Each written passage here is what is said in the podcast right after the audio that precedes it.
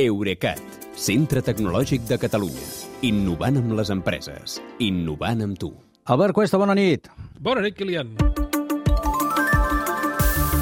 Albert, com vas de butxaca? Perquè ara 1.200 milions eh, et posen en un problema, ara a aquesta hora del vespre. Ara eh, no les porto, no els porto a sobre. D'acord. I, I Meta? A Meta li costarà molt aquesta multa europea, que és la més gran, més quantiosa, imposada fins ara, una gran tecnològica per infringir el reglament de protecció de dades?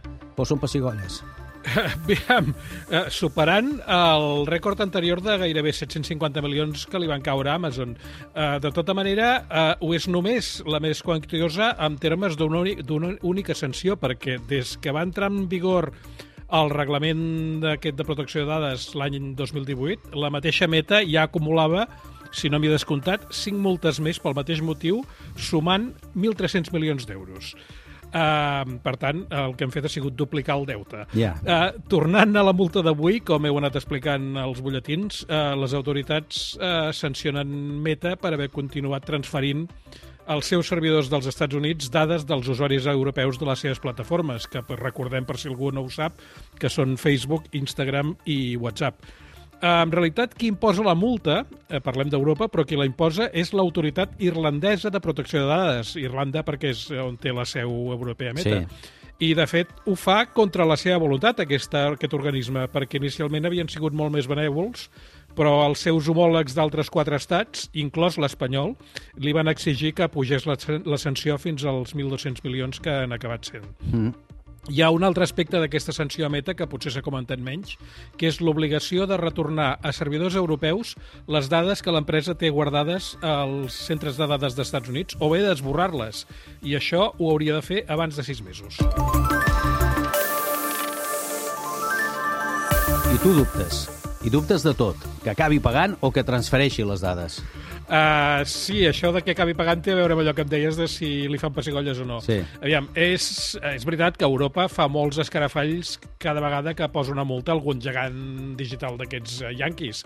Però de la majoria uh, d'aquestes multes, Europa encara no ha vist ni un cèntim, perquè aquestes empreses tenen exèrcits d'advocats que sempre aconsegueixen suspendre l'aplicació de la multa a base de posar apel·lacions i recursos i tot plegat.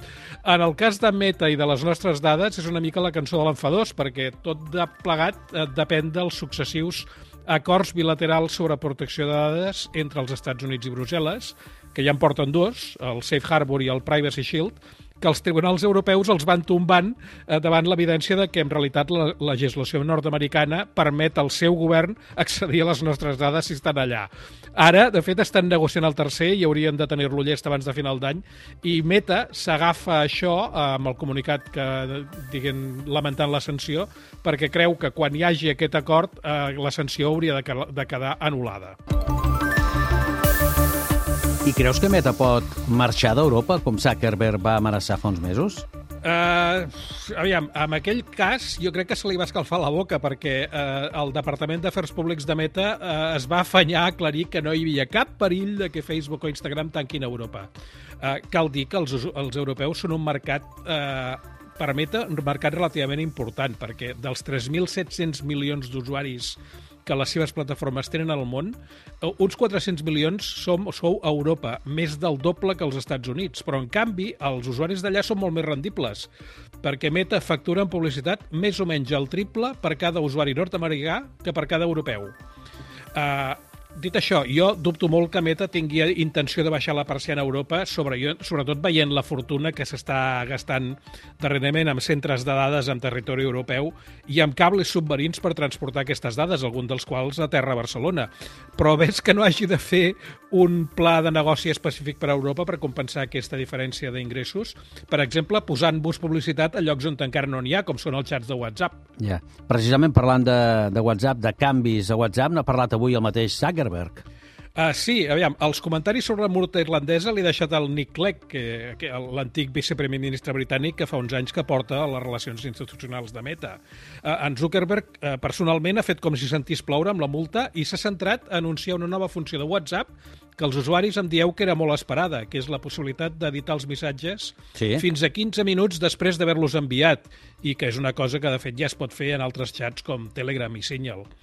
I pot ser que les novetats de Meta no acabin aquí, perquè, segons alguns mitjans, Instagram activarà abans de l'estiu la nova funció d'aplicacions breus de text que comentàvem fa unes setmanes i que porta el nom en clau de Barcelona i que serà descentralitzada i compatible amb Mastodon, de manera que pretén competir amb un Twitter que ja ho sabem que passa per hores baixes. Ja. Tot sigui per tenir contents i enganxats els usuaris, diríem. Eh? D'això es, d'això es tracta, sobretot en el cas de Meta, sí. Moltes gràcies, Albert, que vagi bé. Bona nit, Kilian. Fins demà.